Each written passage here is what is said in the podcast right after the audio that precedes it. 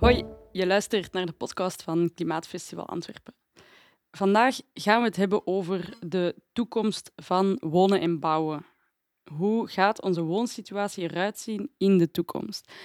Om eerlijk te zijn is dat wel een vraag die ik als jonge twintiger, oh, 27 bijna, uh, dat is al niet meer jong, um, ja, een vraag die ik me wel stel. Uh, Gaan we op kleinere oppervlaktes moeten wonen? Gaan we meer in de co-housing richting moeten gaan om eigendom te delen?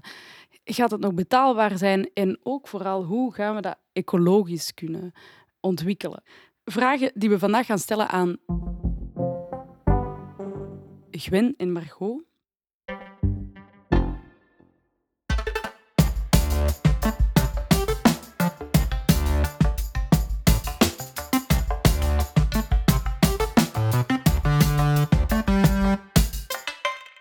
Gwen Verlinde is architect. Ze heeft een eigen bureau tekenarchitectuur en met dat bureau um, heeft het project Circulair Bouwen en Betaalbaar Wonen geleid. Margot L'Espagnard, jij werkt mee aan dit project als doctoraatstudent. Je bent doctoraatstudent aan de Vrije Universiteit van Brussel, waar je onderzoek doet naar alternatieve woonvormen en uh, vooral ja, de economische mogelijkheden van ecologisch bouwen. Klopt? Van circulair bouwen. Van circulair bouwen, ja. Dat project, heb ik het goed als, als jullie elkaar hebben leren kennen tijdens de ontwikkeling van dat project? Ja. ja. dus het project Circulair Bouwen, Betaalbaar Wonen, dat heeft twee jaar geduurd. Eigenlijk, dat is gestart uh, begin 2019 en dat is nu begin dit jaar geëindigd. En daar hebben we eigenlijk geprobeerd om te gaan kijken gewoon met een uh, praktijkcase, dus echt een eengezinswoning die we in Berchem gebouwd hebben, van hoe ver kunnen we nu eigenlijk gaan met dat circulair bouwen in de realiteit. Gewoon Vlaamse context, echt met een opdrachtgever die zijn wensen heeft, een beperkt budget waar we rekening mee moeten houden, stedenbouwkundige eisen en zo verder.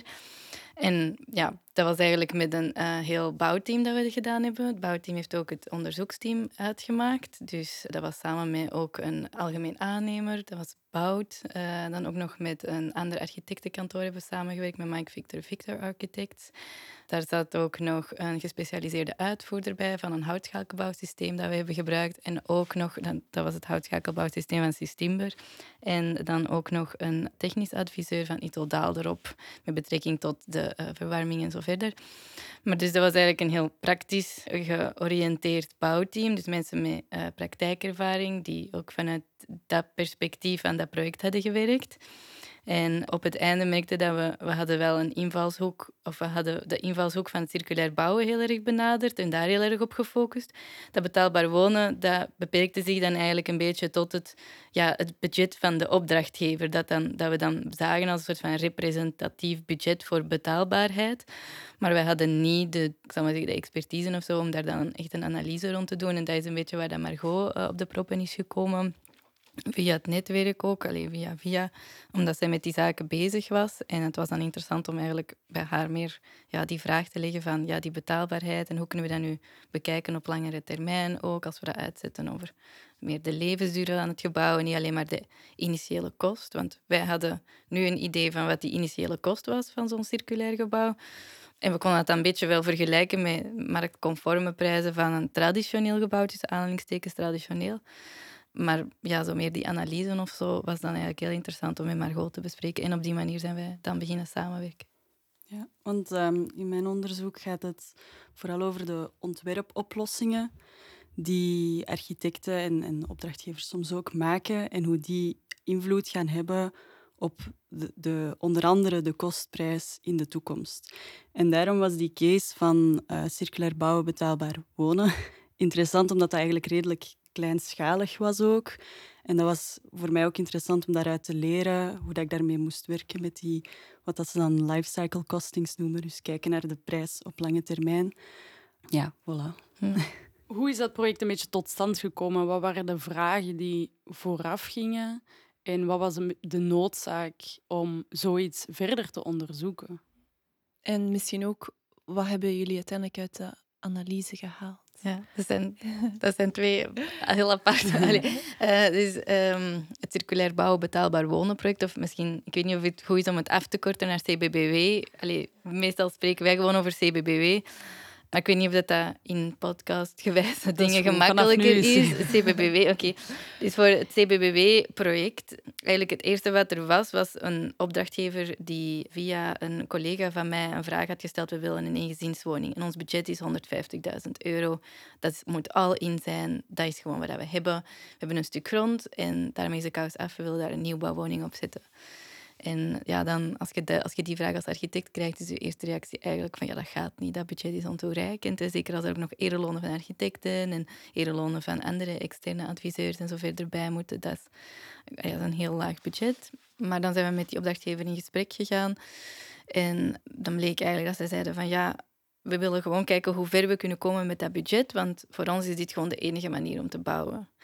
En op een beetje gelijktijdig werd dan de open call van Vlaanderen Circulair uitgeschreven. Dat is eigenlijk de instantie die het CBBW, het onderzoeks, de onderzoekskant van het CBBW-project, heeft eh, gesubsidieerd.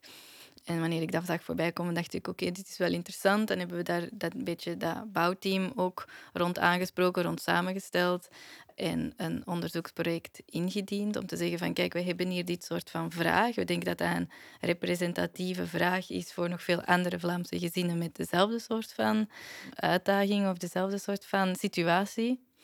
En dan eh, hebben we dat ingestuurd, hebben we daar eh subsidiegeld voor gekregen om die leerlessen te capteren en daar iets verder in te gaan dan we anders zouden kunnen. En dan hebben we eigenlijk, ja, zijn we beginnen bouwen gewoon met het idee van, we hebben een soort van lijst van prioriteiten die we gaan afwerken en we gaan kijken hoe ver we daarmee komen. En een soort van ondergrens, als in alles wat heel wat structureel is en vergunningsplichtig en wat de opdrachtgever absoluut niet zelf zou kunnen verder afbouwen, dat voorzien we sowieso.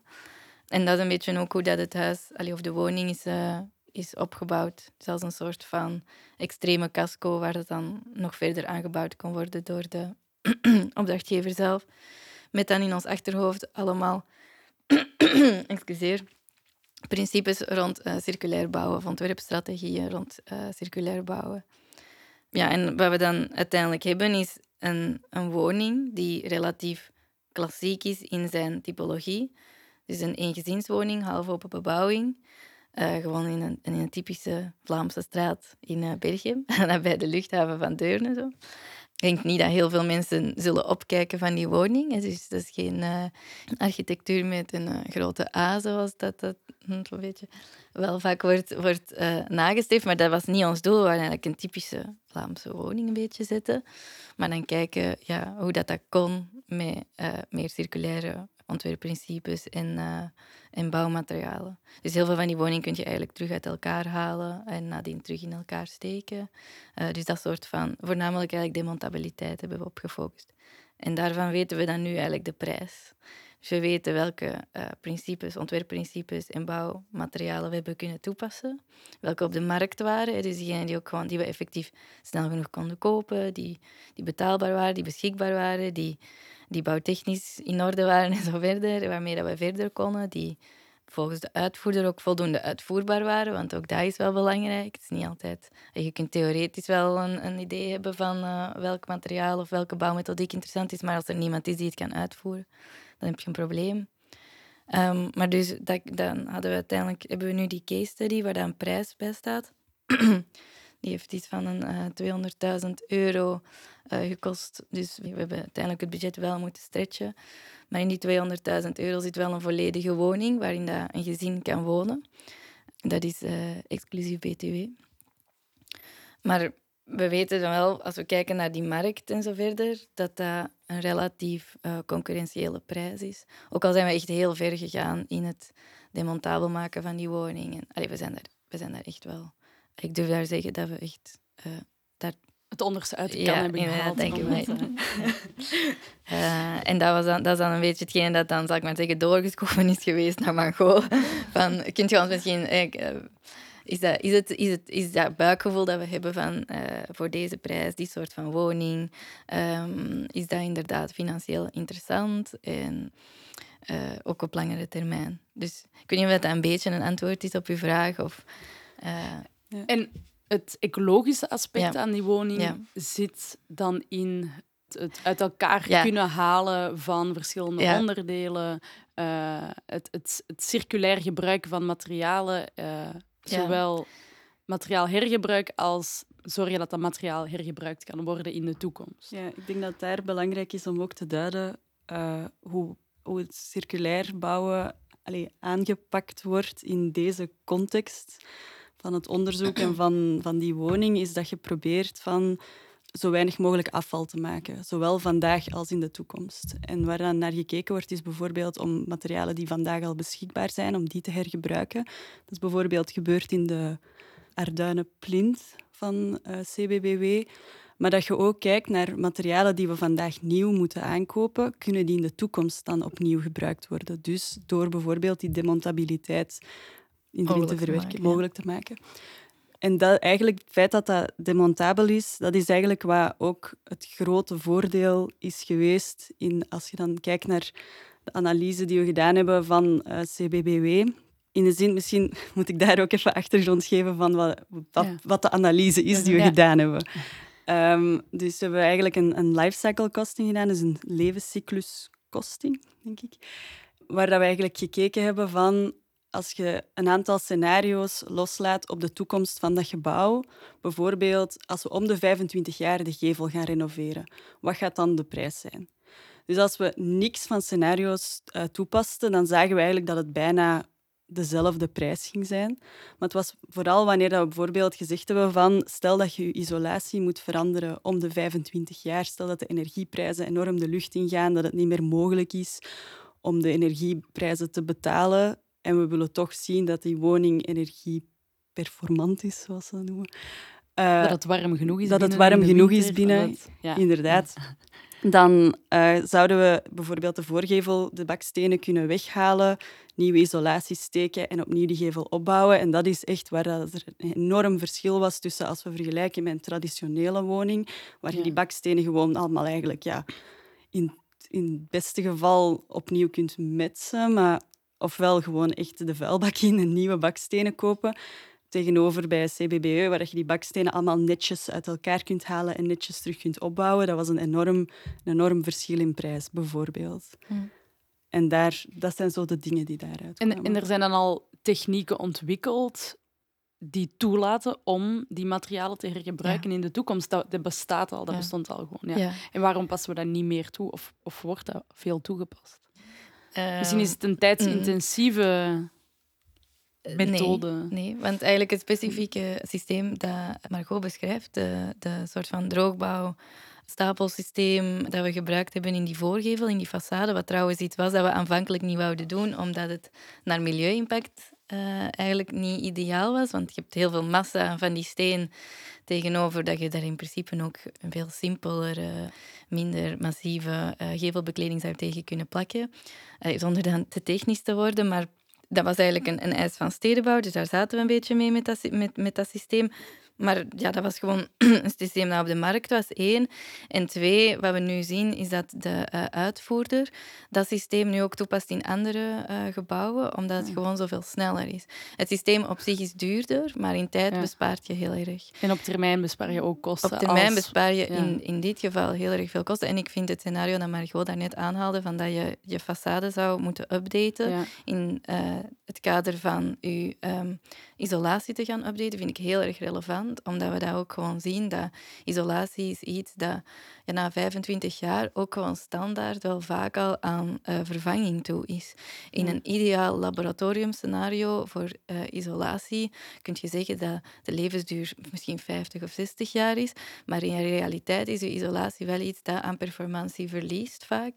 Ook omdat ja, uitvoeringstechnisch, soms komt er dan toch nog wat vocht aan en zo verder. Dus ja, je zit niet in een theoretisch vacuüm, je zit gewoon in de bouwpraktijk. En daarin zien we dat die uitvoering ook niet altijd, dat kan ook niet altijd 100% perfect is. En ja, isolatie is dan naar energiezuinigheid van je gebouw toe, inderdaad verwarming, maar ook gewoon koeling. En dat wordt ook belangrijker. Is heel erg belangrijk. Dus het is echt niet onrealistisch om te gaan zeggen dat na 25 of 30 jaar die isolatie moet worden geüpdate.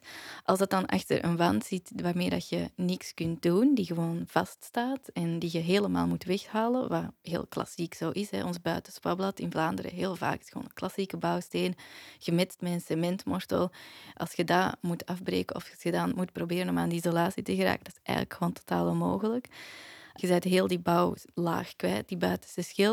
Als je die opnieuw moet daar zetten, dan betaalt je er enerzijds economisch voor, maar ook ecologisch. Ja. Uh, dus dat is, vind ik, een heel goed voorbeeld van waarom het wel belangrijk is om meer aanpasbaar te gaan bouwen. Maar dat wil niet altijd zeggen dat het ecologisch ook is. In dit geval, eh, zoals ik daarnet zei, zou je kunnen discussiëren over, zou het niet minder uh, ecologische impact hebben gehad om daar een ander soort van gevelafwerking te voorzien. Maar wij zaten dan ja, in de uh, Vlaamse realistische de bouwcontext, waarbij dat gewoon aan, aan de straatkant werd gevraagd om met een bakstenen façade, uh, of een bakstenen façade te realiseren.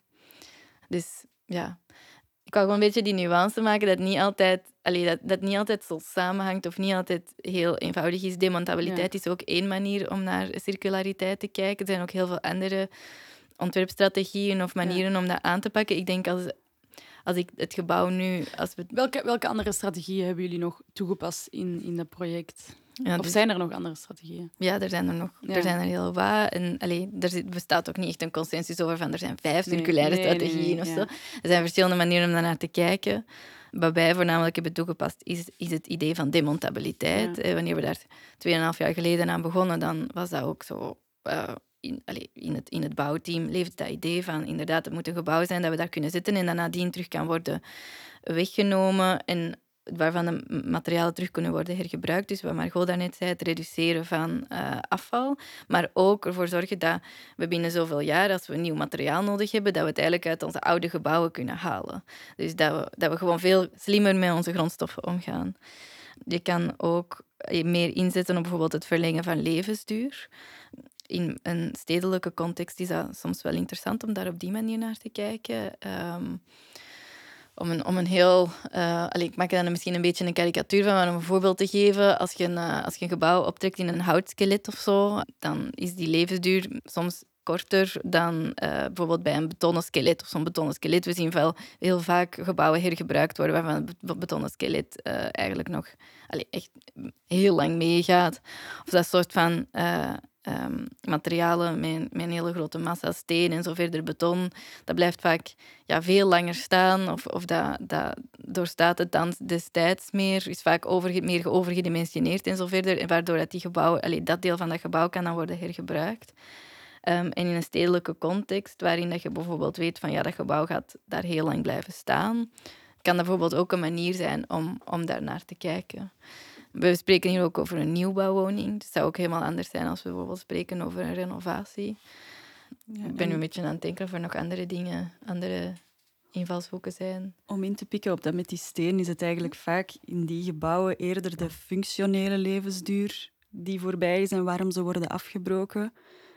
Allee, dat, eigenlijk kunnen die gebouwen vaak nog wel verder, maar het is gewoon functioneel. Het gebouw past niet meer in de visie of, of in de, wat er nodig is op dat moment in de maatschappij of wat Ja. men wilt hergebruiken in de Er is geen nood aan kantoorruimtes, bijvoorbeeld, maar wel aan woningen. Dus er staat een kantoorgebouw, dus dan doen ze dat kantoorgebouw weg en gaan ze daar woningen plaatsen. Ja. Ja. Kantoor is wel iets specifiek, omdat die vaak wel heel multifunctioneel... Ja. Allee, die kunnen Ja. makkelijk wel aangepast Ja, worden. ja, dan maar zie je ook wel vaak dat kantoorruimtes dan worden omgevormd tot woningen. Ik weet niet of er in België casussen zijn, maar ik heb in wel Antwerpen gehoord. dat er, eh, Hier in Antwerpen, aan het Centraal Station. Ja, dat was eh, er de, vroeger. De grote, die grote toren, eh, waar dat de media Ah, dat E-tower. Ja. ja. Van vroeger, ja. Ja. En spreken daar- we wel niet over betaalbare woningen. Ja. dat is nog iets anders. Ja, dat is nu, ja. En jullie spreken ook over nieuwbouw. En in het begin eh, zeiden jullie ook, eh, het is een typische Vlaamse woning die jullie hebben ehm, ontworpen, gebouwd. Wat is een typisch Vlaamse eengezinswoning en hoe ziet die eruit? Over Mm. welke ruimte spreken we? Hoe lopen we daar door? Mm. En ook zie je of voel je dat het circulair is? Ja, en wat ik daarmee bedoel, dat is een goede vraag. Mijn typische... Het gaat echt over de typologie. Dus het is echt gewoon een, een driegevelwoning. Dus je kan je vo- je voorstellen als gewoon een klassiek soort van balkje. Aan, aan, aan, een- aan een, eh, als je daar naar volumetrie of zo zou moeten... Ja, ik kan het natuurlijk niet tekenen. Als architect heb je misschien de neiging om te beginnen tekenen, maar Dat kun je niet zien op de podcast. Um, heeft hij gewoon drie gevels. En je, hebt een, je hebt een voordeur, uh, een bakstenen uh, voorgevel. In de zijgevel, in de achtergevel, mochten we van stedenbouw een beetje uh, afwijken van de klassiekere voorschriften. Dus dat heeft een andere, in ons geval heeft dat een andere afwerking, is afgewerkt in kurk. Maar dus hoe loop je daardoor? Je komt binnen in de hal. Daar is een toilet, een gastentoilet. Als je naar uh, rechts gaat, dan kom je in de uh, leefruimte. Als je dan meer naar achter gaat, waar dat dan de tuin zich ook situeert, dan heb je daar de keuken en de eetruimte. Als je terug naar de uh, hal gaat en gaat naar boven, dan heb je daar eigenlijk twee verdiepingen. Dus in totaal heeft het gebouw ehm, drie bouwlagen, dus het gelijkvloers eerste en tweede verdieping. En dan op die eerste verdieping heb je twee slaapkamers en de badkamer. En dan op de tweede verdieping heb je nog eens twee slaapkamers en een technische ruimte. Nu, in het gebouw waar dat ik nu over spreek, wat daar een beetje anders aan is, is dat die binnenruimte volledig vrij kan worden ingedeeld. Dus er zijn geen dragende binnenwanden, behalve aan de trap. En dat is eigenlijk iets dat we hebben gedaan. Dat is een andere circulaire strategie, zou je kunnen zeggen. Of een, of een extra uh, circulaire strategie die we hebben toegepast. Voornamelijk dan een ontwerpstrategie. Um, door te zeggen van uh, als die mensen bijvoorbeeld um, dat gebouw op een andere manier willen gaan gebruiken, bijvoorbeeld de kinderen gaan uit huis, uh, ze willen van boven een studio maken, dus dan moet een muur uit, want ze willen dat als één grote ruimte gebruiken. Ze willen daar een extra badkamertje in maken of een doucheruimte. Um, dan kan dat allemaal, waardoor dat je eigenlijk de levensduur van dat gebouw verlengt. Mm. Nu, wat we gemerkt hebben, want ik wil er ook een beetje een kritische kanttekening langs plaatsen, dat was het idee waarmee dat we daarmee gestart zijn.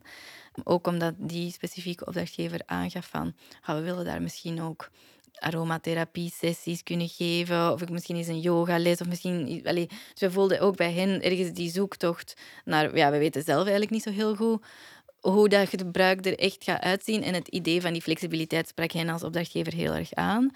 Dat is niet bij alle opdrachtgevers zo. En in het geval van een eengezinswoning hebben we gemerkt, of zou je kunnen zeggen, dat het niet altijd per se nodig is om dat soort van flexibiliteit in te bouwen in uw woning. We hebben ook via een uh, masterstudenten, via thesis van een masterstudenten aan de UGent, UGent uh, ja, de klas. Ja. Ja. Um, heeft, zij heeft dat ook even bekeken. Ze heeft een soort van optimalisatiestudie gemaakt LCA en LCC gewijs. Dus dat is eigenlijk dan uh, op lange termijn de milieu-impact en op lange termijn de financiële impact van de binnenwanden van die woning. Omdat we dus daar volledig demontabele binnenwanden hebben geplaatst. En ja, dan, dan merk je wel dat de conclusie daaruit was een beetje van voor een kantoorgebouw of voor een commerciële ruimte is dat eigenlijk wel interessanter.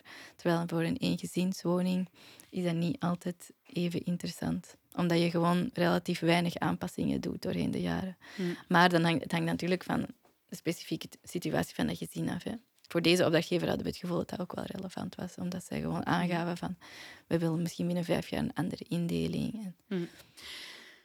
Het is een klassieke eensgezinswoning. Uh, ik zei het in het begin al.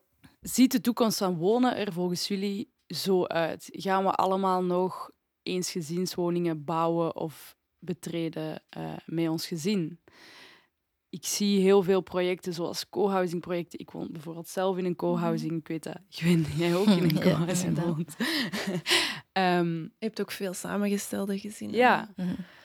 Gezinsvormen veranderen. We verschuiven van dat klassieke kerngezin enerzijds, denk ik. Mhm. De ruimte in de stad verandert. We leven alsmaar met meer mensen op dezelfde oppervlakte. Ja, en het, het ecologisch en economisch plaatje verandert ook. Mhm. Ehm, ik denk dat we. Ah, ik denk niet dat die eensgezinswoningen ooit zullen verdwijnen. Ik denk dat er altijd mensen zijn die daar echt aan houden.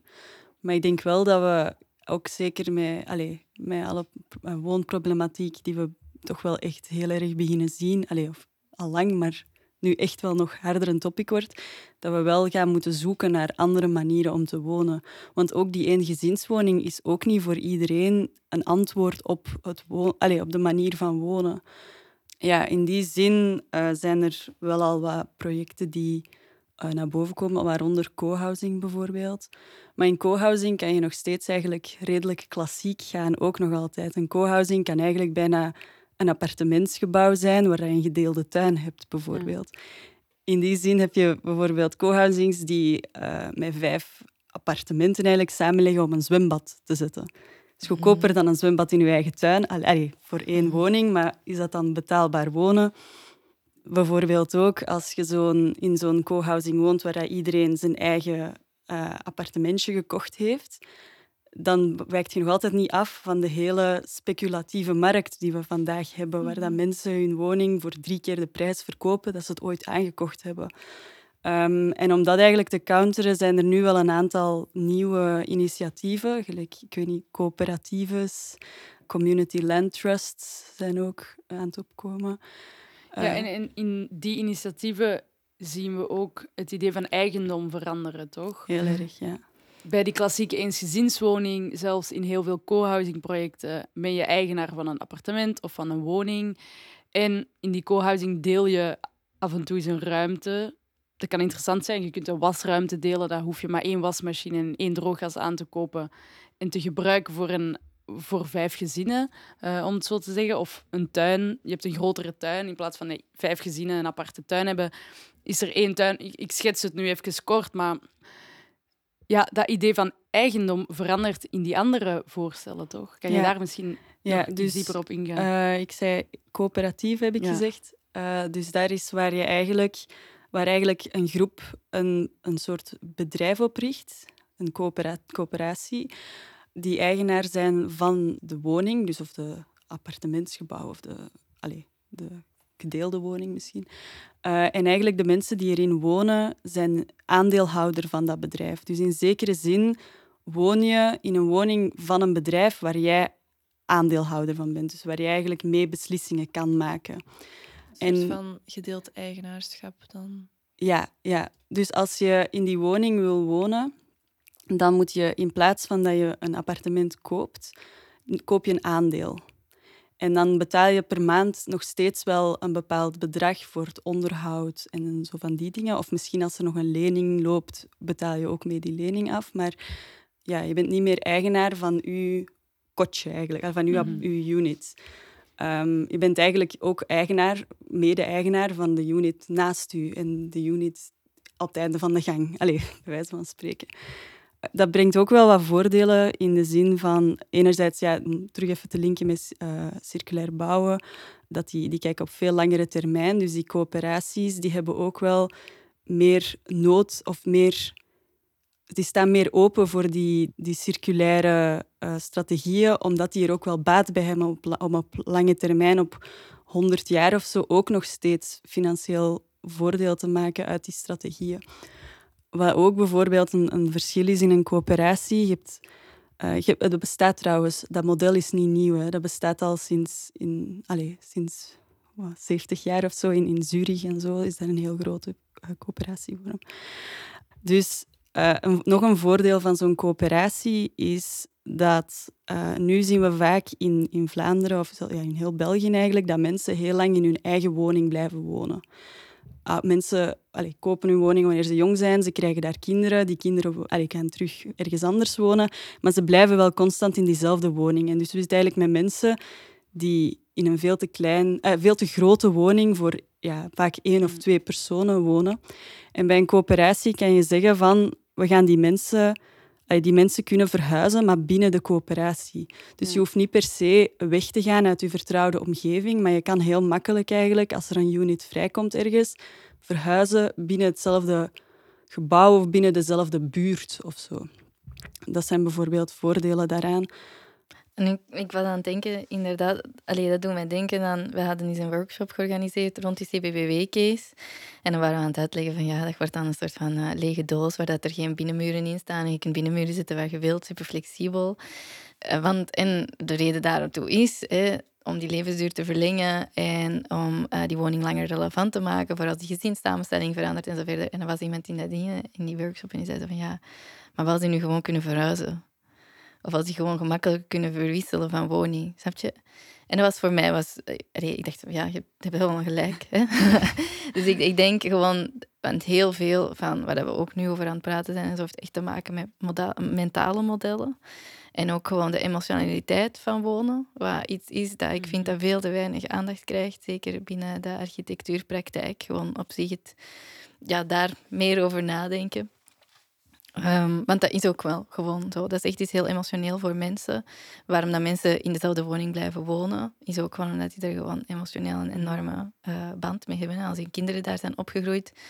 Allee, je hebt vaak van oudere mensen die zeggen: Ik wil niet naar, ik wil blijven wonen waar ik woon. Ja. Dat is omdat ze daar gewoon ja, gehecht aan zijn. En ik denk dat, we daar, dat het heel interessant zou zijn om daar meer over na te denken. Over hoe dat we meer die flexibiliteit kunnen inbouwen, meer die emotionaliteit een plaats kunnen geven.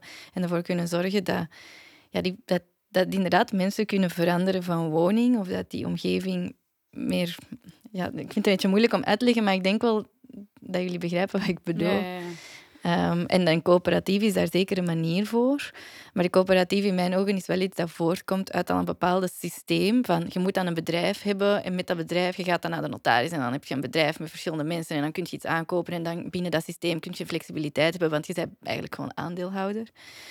Ik vraag me af, ik weet dat niet, maar ik vraag me soms af of dat het niet gewoon, dat er geen andere systemen zouden zijn als we gewoon anders zouden kijken Mm. naar eigendomsrecht. En dan spreek ik ook meer over juridisch Mm. en dan spreek ik over meer wat er gebeurt bij de notaris en zo verder. Ehm, of dat we daar niet meer een soort van flexibiliteit zouden kunnen inbouwen. En ik denk dat het in de toekomst superbelangrijk Ja. zou kunnen zijn.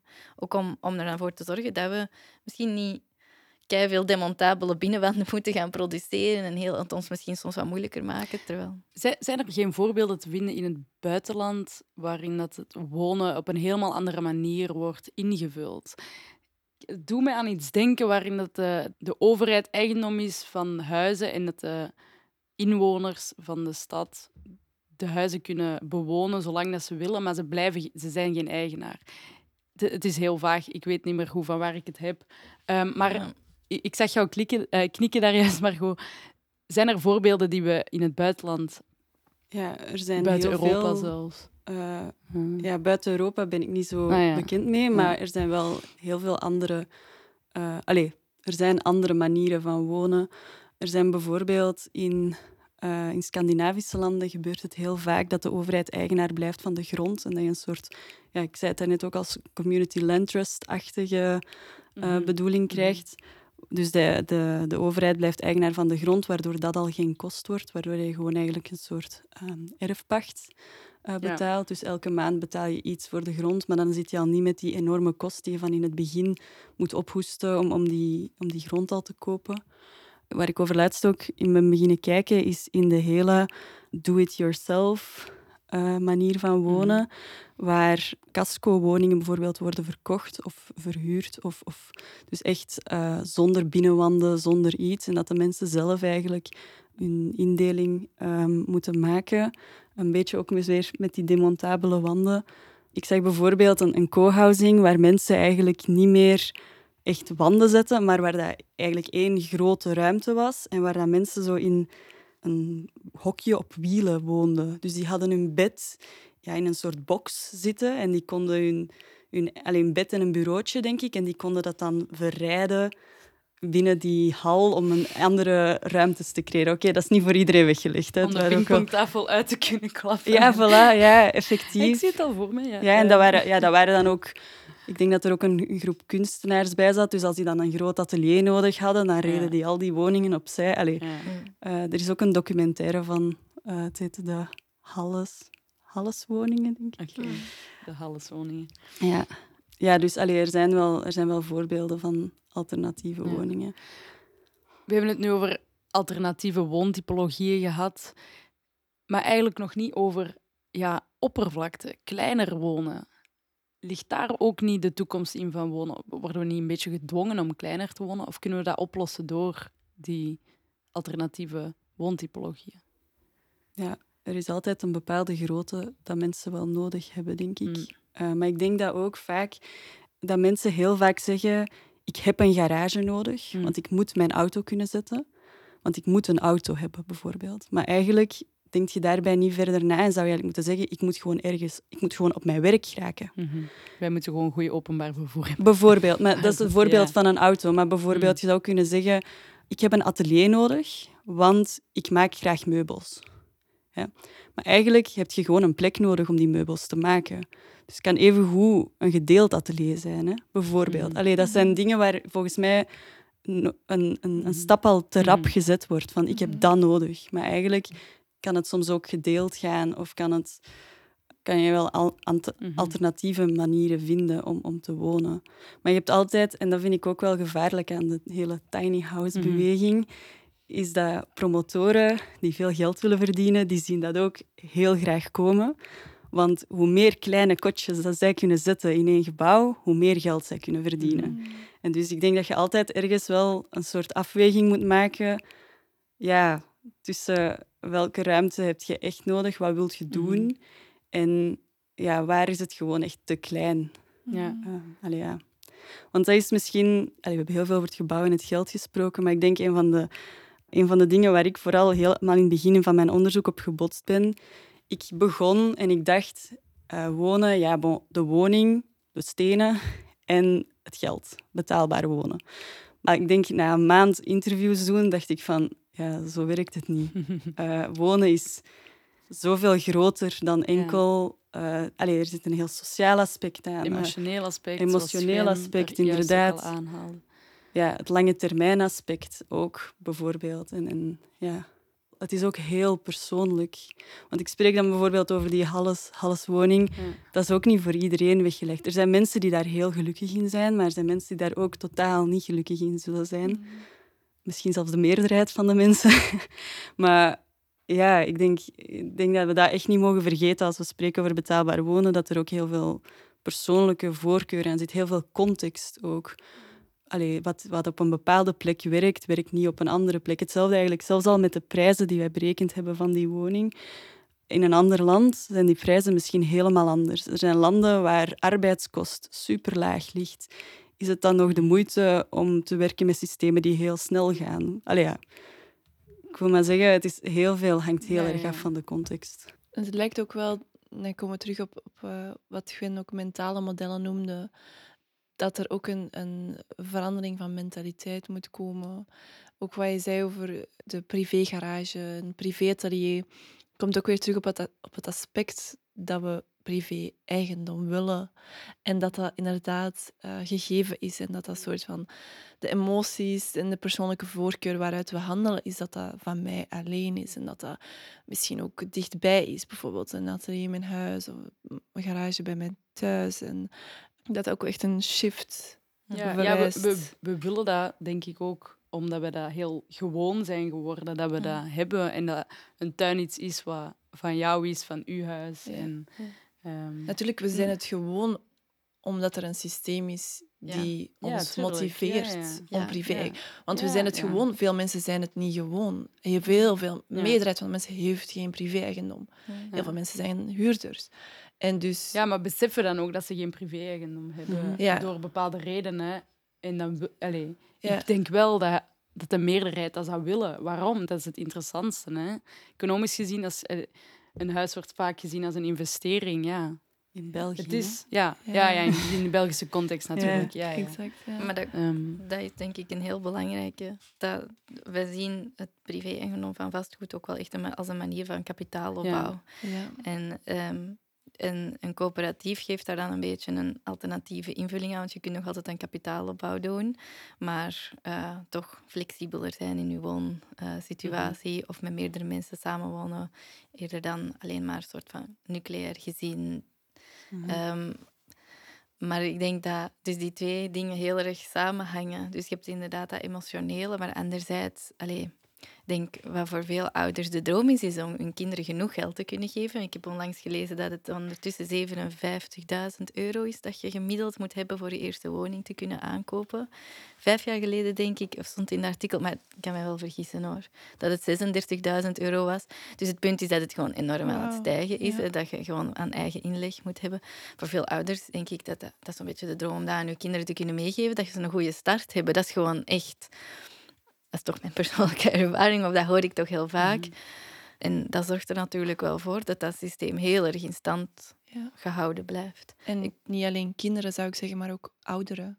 Mm -hmm. Dat we onze oudere generatie ook een plek geven. Mm -hmm. um, en het zijn ook heel hard de eigenlijk de mensen die dat niet hebben, die niet die ouders hebben die kunnen inbrengen, die echt uit de boot vallen.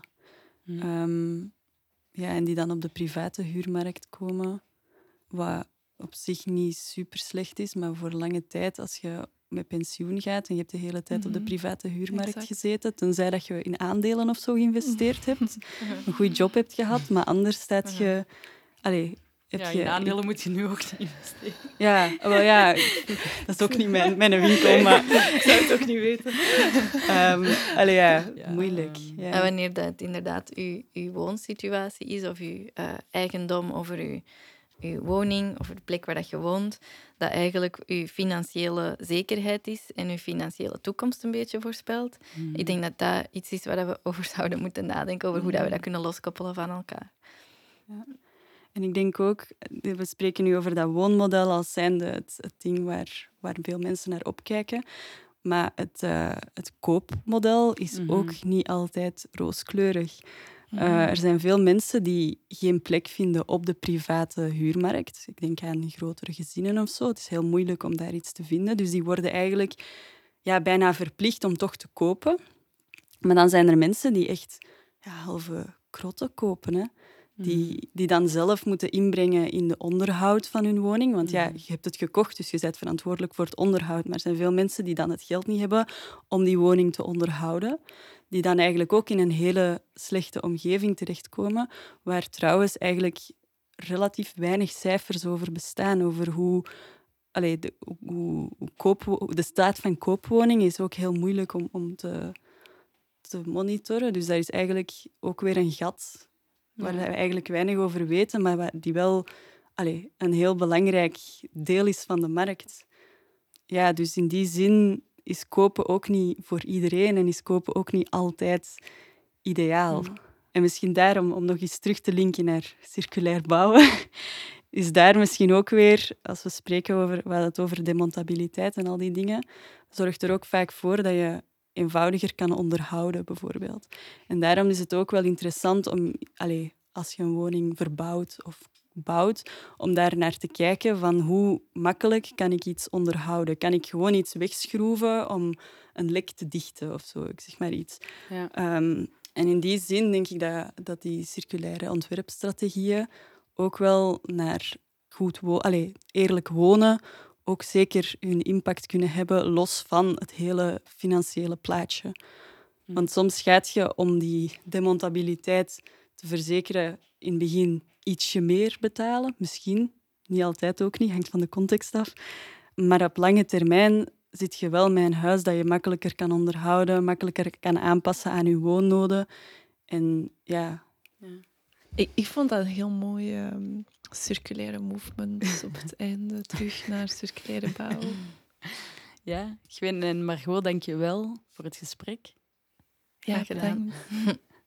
graag gedaan. Het was gezellig. Bedankt om te luisteren naar de podcast van Klimaatfestival Antwerpen, een project van Troebel. Wil je graag meer weten over Klimaatfestival Antwerpen? Dan kan je gaan naar www.klimaatfestivalantwerpen.be. Productie, muziek en opname van deze podcast zijn gedaan door Kaat Schild. Het beeld is gemaakt door Design Studio Catapult. En bedankt aan 111111 en de burgerbegroting van het district Antwerpen om deze podcast mee mogelijk te maken.